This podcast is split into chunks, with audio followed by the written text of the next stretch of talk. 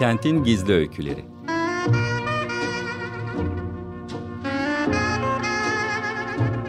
Kentin isimsiz kahramanları ve ilham veren yaşamları. Sıradan İnsan Öyküleri. Hazırlayan ve sunan Kenan Doğan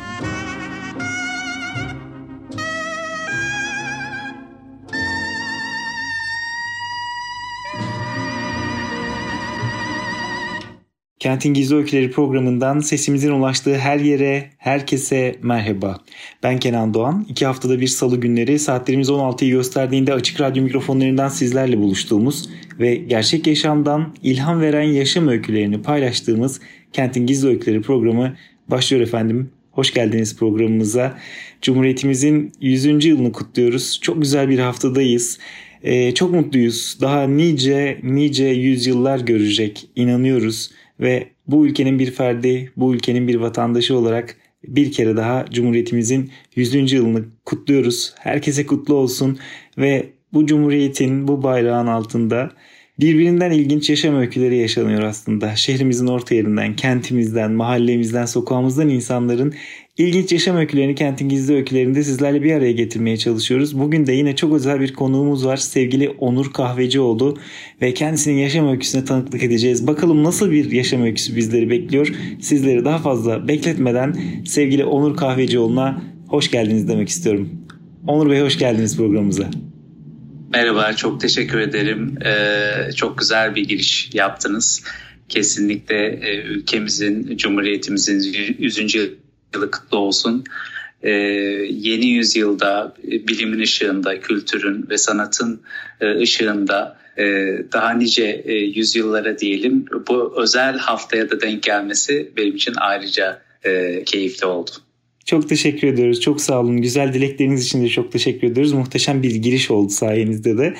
Ve isterseniz dinleyeceğimizi daha fazla meraklandırmadan Onur Kahvecioğlu'nun yaşam öyküsüne tanıklık edelim. Hadi öykünün biraz başına dönelim.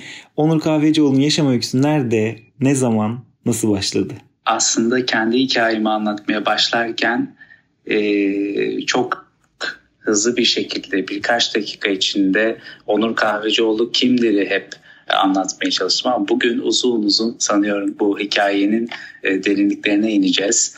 E, Onur Kahvecioğlu Gaziantep'li e, e, anne babadan olmuş bir çocuk. E, babası e, askerdeyken Gaziantep'te doğmuş birisi. E, 1993 yılında e, Gaziantep'te dünyaya geldim. E, anneannemin e, böyle çok e, Gaziantep evleri böyle taştan yapılmış e, bahçesi olan e, içinde e, zeytin ağaçlarının olduğu bir evdi orası.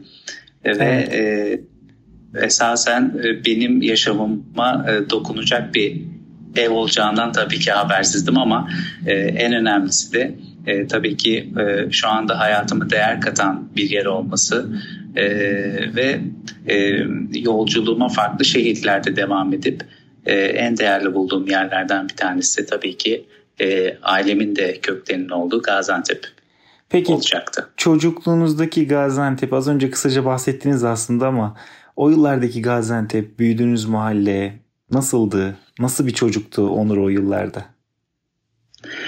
Ee, aslında çocukken ben Gaziantep'li değildim. Biraz böyle girmiş olayım. Evet. Çünkü çünkü biz e, Bursa'da oturuyorduk. E, Gaziantep'e sadece e, işte yaz aylarında, okul tatillerinde e, giderdik ve oranın e, kültürünü e, işte e, sokaklarını e, en önemlisi yemeklerini o zaman daha çok tatma fırsatım oluyordu. E, daha çok e, hani Gaziantep'te değildik ama tabii ki anne Gaziantep'li, baba Gaziantep'li. Evde sürekli Antep yemekleri, işte e, Gaziantep'ten türküler vesaire dinlerdik ve şunu da söylemeyi unutmayayım. E, ben Gaziantep'li bir halk ozanının e, torunuyum. E, e, Aşık Yusuf Karataş e, annemin babası ve e, aslında ailede bir Türk müziği kültürü e, varmış. Dolayısıyla e, onun bıraktığı e, mirasla e, hem annemden hem dayılarımdan böyle Gaziantep türküleri dinleyerek büyüdüm. E, çocukluğumda Gaziantep sokaklarında değildim ama e, her an he, e, ailenin he, her anında evin içinde hep o sokakları hissettim yani. Ne güzel. Gaziantep sizin de bahsettiğiniz gibi o kadar zengin bir kültür ki, o kadar besleyen bir kültür ki, kültür ki e, birçok çocuğun aslında Gaziantep'te, o yörede, o coğrafyada yetişen birçok çocuğun hayatında inanılmaz renkler, inanılmaz zenginlikler kazandıran bir kültür. E, Bursa'dayım dediniz. Çocukluğunuzun yaz ayları, Gaziantep'te geçen zamanları dışında neler yapıyordunuz? Nasıl geçiyordu? E, Bursa e, benim için gerçekten çok e, özel bir yeri var. Çünkü çocukluk deyince aklıma sokak geliyor. Sokakta oynadığımız oyunlar geliyor. Bursa'nın henüz bozulmamış o demografik yapısı içinde e, komşularımızla beraber geçirdiğimiz vakitler, arkadaşlıklar, e, aslında bugünkü onuru var eden şeylerden biri de herhalde o sokakta yaşadığı dostluklar, e, edindiği ilişkiler, kendini var etme çabası, sosyal ilişkiler vesaire. Yani şu an analiz ettiğimde, geçmişe dönüp baktığımda bunları tanımlayabiliyorum ama o an her şey çok doğalında e, gelişen şeyler de bunlar. Tabii ki e, şu an çok da özlem duyuyoruz sanıyorum geçmişe. E, bunun da etkisi var. E, Bursa'da e, çok güzel bir çocukluk geçirdim. E, ilkokul yıllarım orada geçti. E, özellikle e, Bursa'nın e, biliyorsunuzdur belki e, zaten o zamanlar tek bir caddesi çok meşhurdu. Kültür Park'a inen e, yolda e, sürekli e, aile gezileri yapardık. E, Bursa'nın yani geçmişe dönüp baktığımda e, sokak oyunlarının dışında herhalde e, kültür sanat etkinlikleri e, benim çocukluğumu da çok etkilediğini düşünüyorum. Çünkü bizim çocukluğumuzda her hafta böyle bir e, tiyatro, her hafta bir halk oyunu gösterisi, e, sadece Türkiye'de değil uluslararası boyutlarda da festivaller oluyordu. E, Bursa anlattığınız gibi aslında e, çocukluğunuz açısından etkinliklerle e, yaşadığınız o e, farklı deneyimlerle yine sizin e, kültür haznenizi dolduran, zenginleştiren bir şehir oluyor. E, bir yandan da okul hayatı başlıyor bir gün herhalde. Tabii ki tabii ki yani okuldan kaçmalar vesaire de olurdu ben çocukluğumda. Çok futbolda oynardım. Hatta mahalle takımımız vardı. Ee, üst mahalleyle maç yapardık. Kendi formalarımızı yapmıştık atletlerden. Ee, bir gün e, çantalarımı falan bizim e, apartmanın önüne koyup gizlice bu mahalle maçına kaçmıştım. E, okula gitmemiştim yani. Tabii ki foyam e, çok geçmeden ortaya çıktı. E, ders böyle kaçamaklar da oluyordu okul hayatımda. E, ilkokul 1 ve 2. sınıfı Bursa'da okudum.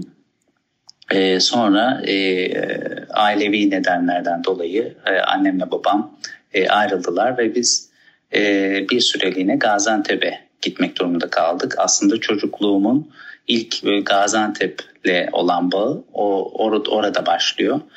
E, dolayısıyla e, Bursa'da geçen bir e, çocukluk dedim ama e, şimdi birazdan anlattığımda çok daha iyi anlayacaksınız ve başka yerlerden, farklı kültürlerden beslenen bir çocukluğum oldu. E, üçüncü sınıftayken de Gaziantep'e e, gitmek durumunda kaldık. E, orada e, tabii ki ilk Gaziantep'li oluşum herhalde odur. Çünkü e, oraya gittim. Dilim farklı, diksiyonum farklı, hareketlerim farklı, her şeyin farklı. E, orada aslında Gaziantep'li olmadığımı fark ettim. Yani ötekiydim. E, tabii ki bu oldukça bir çocuk olarak sizi oldukça dışlanan, işte arkadaşları tarafından öteki olarak gösterilen bir yerde olduğunuzu hayal edin. Oldukça zorlayıcıydı. Ee, ben de orada derslerime tutundum. Bursa'da çok çalışkan bir öğrenci değildim ama Gaziantep'te e, artık e, yalnız kalan bir çocuk. okulda tutunan bir onur vardı ve e, çok da orada başarılı bir öğrenci olmaya başladım. Böyle bir akışı var çocukluğum. Peki okul hayatında Bursa'dan sonra Gaziantep'te akademik başarı olarak e, yükselen bir grafiği olan, okula derslerine sıkı sıkıya sarılan, sizin de söylediğiniz gibi aslında farklı bir şehirden gelen, farklı bir kültürü görmüş, diksiyonu, konuşması daha farklı olan, diğer çocuklara göre daha farklı olan e, bir çocuğun yapabileceği belki de en güzel şeyi yapıp derslerine daha fazla sarılarak akademik anlamda da durumunu iyileştirmiş bir çocuk Onur o yıllarda. Peki sonra okul hayatı nasıl devam etti?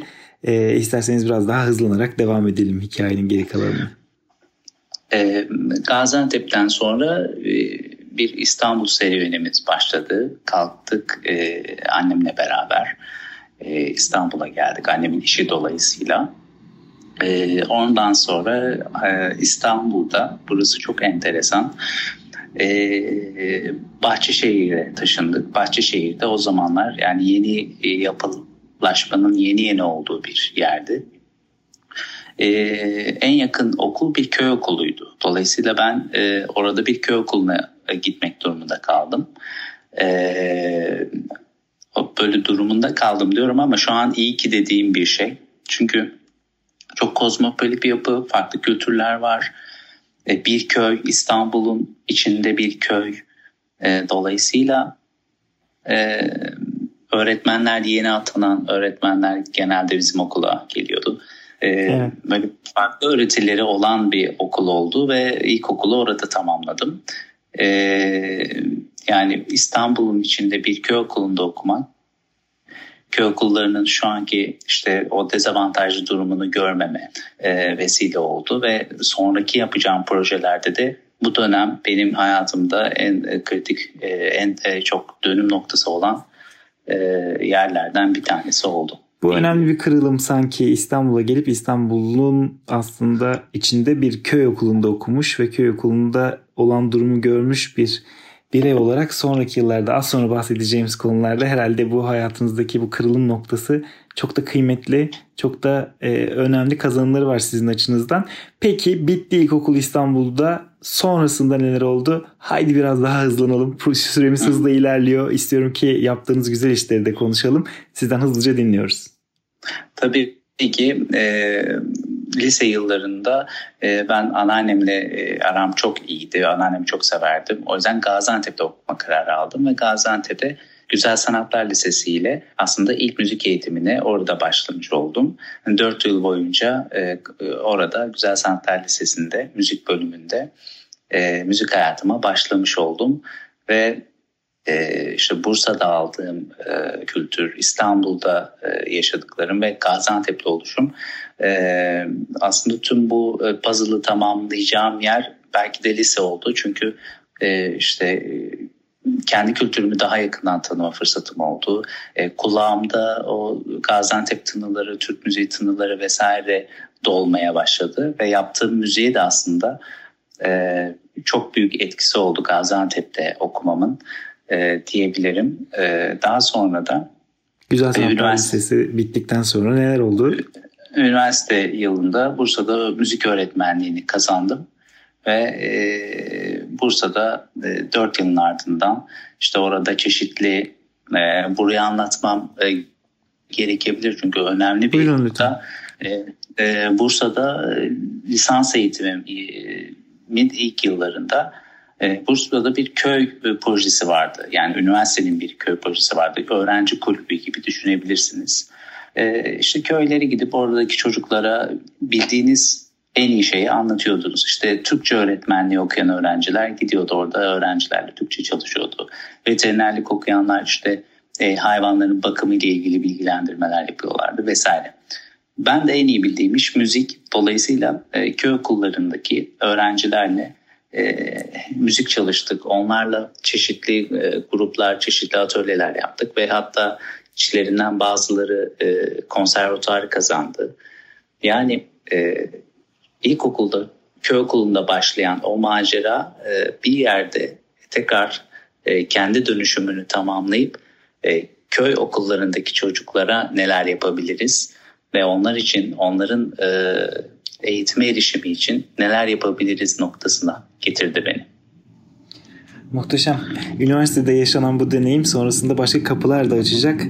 Üniversite bitti. Sonrasında neler yaptınız?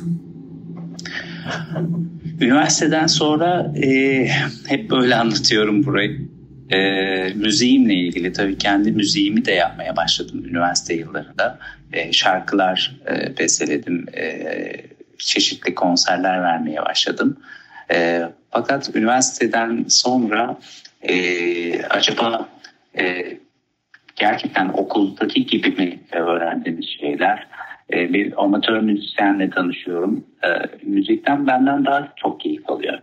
İşte farklı e, gruplarla tanışıyorum. Hiç müzik eğitimi almamışlar ama müzikle olan bağları e, o kadar e, köklenmiş ki, o kadar samimi ve e, içten ki e, ben de onlar gibi olmak istedim. Yani işin teknik kısmına sıyrılıp e, o ruhu acaba daha daha çok hayatıma nasıl alabilirim noktasında e, amatörleşmeye çalıştım. Yani iki yıl e, mezun olduktan sonra iki yıl amatörleşmek için harcadım diyebilirim. Hep böyle anlatıyorum burayı. E, tabii ki o sürede e, üniversite yıllarında e, çeşitli e, organizasyonların da bir parçası oldum. Çok sesli müzik topluluğu kurdum. Uludağ Üniversitesi çok sesli müzik topluluğunu e, kurdum. Halen devam ediyor. E, orada çok sesli müziği yaygınlaştırmak üzere çeşitli etkinlikler, konserler, e, sosyal sorumluluk projeleri yürütmüştük. Ve daha sonra da işte müziğin aslında herkes tarafından yapılabileceği, müzik eğitiminin daha erişilebilir olması gerektiği konusunda böyle kaygılarım arttı. E, bağımsız bir müzisyen olarak kendi şarkılarımı yapmaya çalışıyorum. E, çeşitli duvarlarla karşılaşıyorum. E, işte e, radyo programına konuk olmak bile e, oldukça güç oluyor. Ya da şarkılarımı icra edebileceğim bir konser alanı bile bulamıyorum vesaire. Yani bununla ilgili e, hem müzik eğitimi tarafında yaşadıklarım, sonuçta hem müzik bölümü öğrencisiydim, hem evet. e, öğretmen oldum, hem de bir müzisyenim, genç bir müzisyen tüm bu sorunları çözebilecek, bu sorunları bir araya getirebilecek ve müziğin o tüm e, renklerini az önce anlattığım gibi işte o Gaziantep kültürü, Bursa, İstanbul o farklı kültürleri de bir araya getirebilecek bir oluşum oluşturabilir miyim e, sorusunun peşinden gittim ve e, müzik istadında bir e, oluşumun ilk adımlarını 2016 yılında attık. Ee, daha sonra da e, benim gibi düşünen arkadaşlarımla bir araya geldik ve 2017 yılında e, Müzikist dernekleşti. E, Bursa'da kuruldu. E, daha sonra da yolculuğuna bugüne kadar devam ediyor halen. Peki. Müzikist neler yaptı, neler yapıyor, neler yapmaya amaçlıyor, bugüne kadar neleri başardı? Onları da alabilir miyiz sizden? E, Müzikist e, öncelikle e, müzik eğitiminin erişilebilirliği üzerine güçlenmesi üzerine çalışmalar yaptı e, ve genç sanatçıların, genç bağımsız sanatçıların görünürlüğü ile ilgili e, çalışmalar başladı.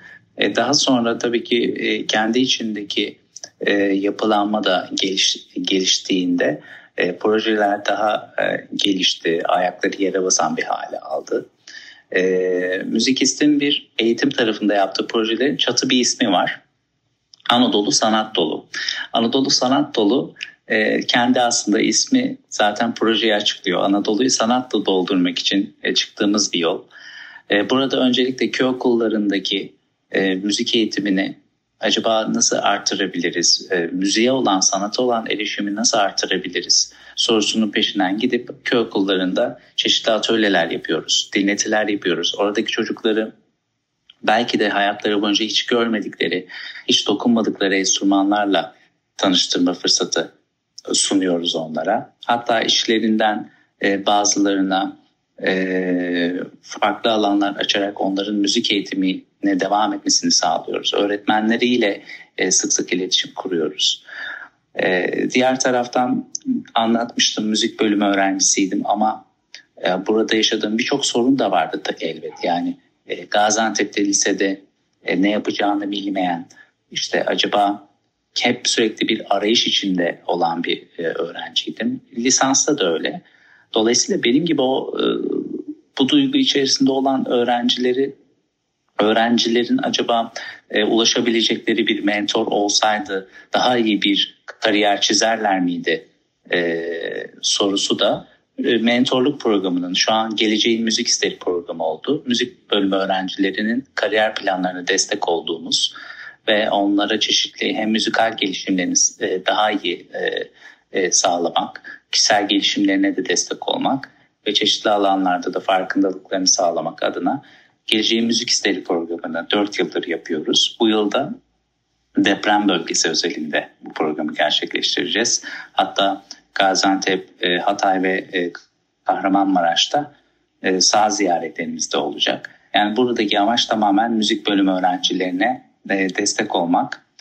E, tabii ki müzik eğitimini, sanat eğitimini güçlendireceğiz, Anadolu'yu sanatla dolduracağız ama yani bunun en önemli ayaklarından birisi de müzik öğretmenleri. Dolayısıyla müzik öğretmenlerinin motivasyonlarını arttırmak, onları mesleki anlamda geliştirmek de bu işin bir parçası. Ee, biz de Müzik Öğretmeni Geliştirme Programı isimli bir program e, hayata geçirdik 2020 yılında. E, o da her yıl devam ediyor ve şu ana kadar 234 müzik öğretmeni e, müzikist e, geliştirme, müzik öğretmeni geliştirme programından mezun oldu. Ee, Anadolu Sanatlı'nın son halkası da dördüncü halkası da enstrüman destek programı. Bu enstrüman destek programı başarılı e, ama e, dezavantajlı e, müzik bölümü öğrencilerine sağladığımız bir enstrüman destek programı. E, tabii e, bu yıl yaşadığımız maalesef 6 Şubat'ta yaşadığımız e, deprem sonrasında e, biz ne yapabiliriz diye düşündüğümüzde e, kendi alanımızla ilgili neler var, nelere nelere dokunabiliriz diye düşündüğümüzde e, orada enstrümanı enkaz altında kalmış. İşte enstrümanı zarar görmüş. Yani bu enstrümanlar binlerce liralık. Evet. Öğrencilerden alamayacakları enstrümanlar. Dolayısıyla onlara yeniden enstrümanlarını sağlayacak işte eğitimlerine devam edebilecekleri bir noktada e, yaklaşık 75 öğrenciye e, enstrüman sağladık. E, bu da enstrüman destek programı da Muhteşem. tabii ki manevi açı e, bizi e, çok e, besledi ama umarım e, bir daha böyle bir şeyde ihtiyaç kalmaz. Umuyoruz, umuyoruz ihtiyaç kalmaz. Programımızın artık sonuna geliyoruz. Son dakikalarımız. Ee, anlattığınız gibi aslında hem çocukların müziğe, müzik eğitimine erişmesi, hem müzik öğretmenlerine, hem müzik eğitimi alan gençlere yani baktığınızda aslında müziğin her evreden, her kişiye erişilebilmesi için elinizden geleni yapıyorsunuz. Bir müzik öğretmenisiniz aslında. Müzik öğretmeni olarak sadece müzik öğretmenliği yapıp sorumlu olduğunuz okulda bunu yapabilecekken siz kurduğunuz dernekle arkadaşlarınızla beraber gerçekten fark yaratan çalışmalar yapıyorsunuz ve ödüller de alıyorsunuz. Başarılı da bulunup e, takdir de ediliyorsunuz ve müziği yaygınlaştırmak için müzik eğitimini herkese erişilebilir kılmak için de mücadele ediyorsunuz. Artık son dakikamız o yüzden son cümle neler söylersiniz? Bundan sonrası için planlar ne e, ve nasıl değerlendiriyorsunuz bütün çalışmaları? Çok teşekkür ederim e, ince düşünceleriniz için. Ee, çok kısaca MDA'dan da bahsetmek isterim. MDA e, bizim her yıl doğada gerçekleştirdiğimiz bir e, buluşma alanı, bir festival. E, işte çeşitli disiplinlerden birçok sanat dalını, farklı kültürlerden birçok sanat insanını bir araya getiren bir yer. Aslında müzikistin felsefesini, e, müzikistin sloganı sanat, doğa, insan, e, sanatı yaşayan, doğayı koruyan, insanı seven anlamına geliyor ve biz bütün bu e, sloganı da bir araya getiren, felsefemizi bir araya getirdiğimiz bir yer medya. Bu yıl altıncısını düzenledik. Seneye yedincisini düzenleyeceğiz ve gelecek planlarımızda e, hem köy okullarındaki yaptığımız çalışmaları, Anadolu Sanatlı'daki diğer çalışmaları ve MDA'yı yani festivali bir araya getirecek bir müzik köyü hayal ediyoruz. Ee, bunu başarmaya çalışacağız. Ne güzel. Yakın zamandaki hedefimiz bu. Ee, umarız kendi e, duygularımızı, hislerimizi, hedeflerimizi, amaçlarımızı bir araya getiren bu habitatı oluşturabiliriz. e, buradan da evrene bir mesaj vermiş olalım. Çok teşekkür ediyoruz bugün programımıza konuk olduğunuz, yaşam öykünüzü paylaştınız. Sabancı Vakfı tarafından da fark yaratan seçilmişti. Aynı zamanda Onur Kahvecioğlu. Bundan da bahsetmeden programı noktalamayalım. E, bugün yaşam öykünüzü dinleyicilerimizle bizle Kentin Gizli Öykülerinde paylaştığınız için size çok teşekkür ediyoruz. Sağ olun. Ben teşekkür ederim. Hoşçakalın. Sağ olun.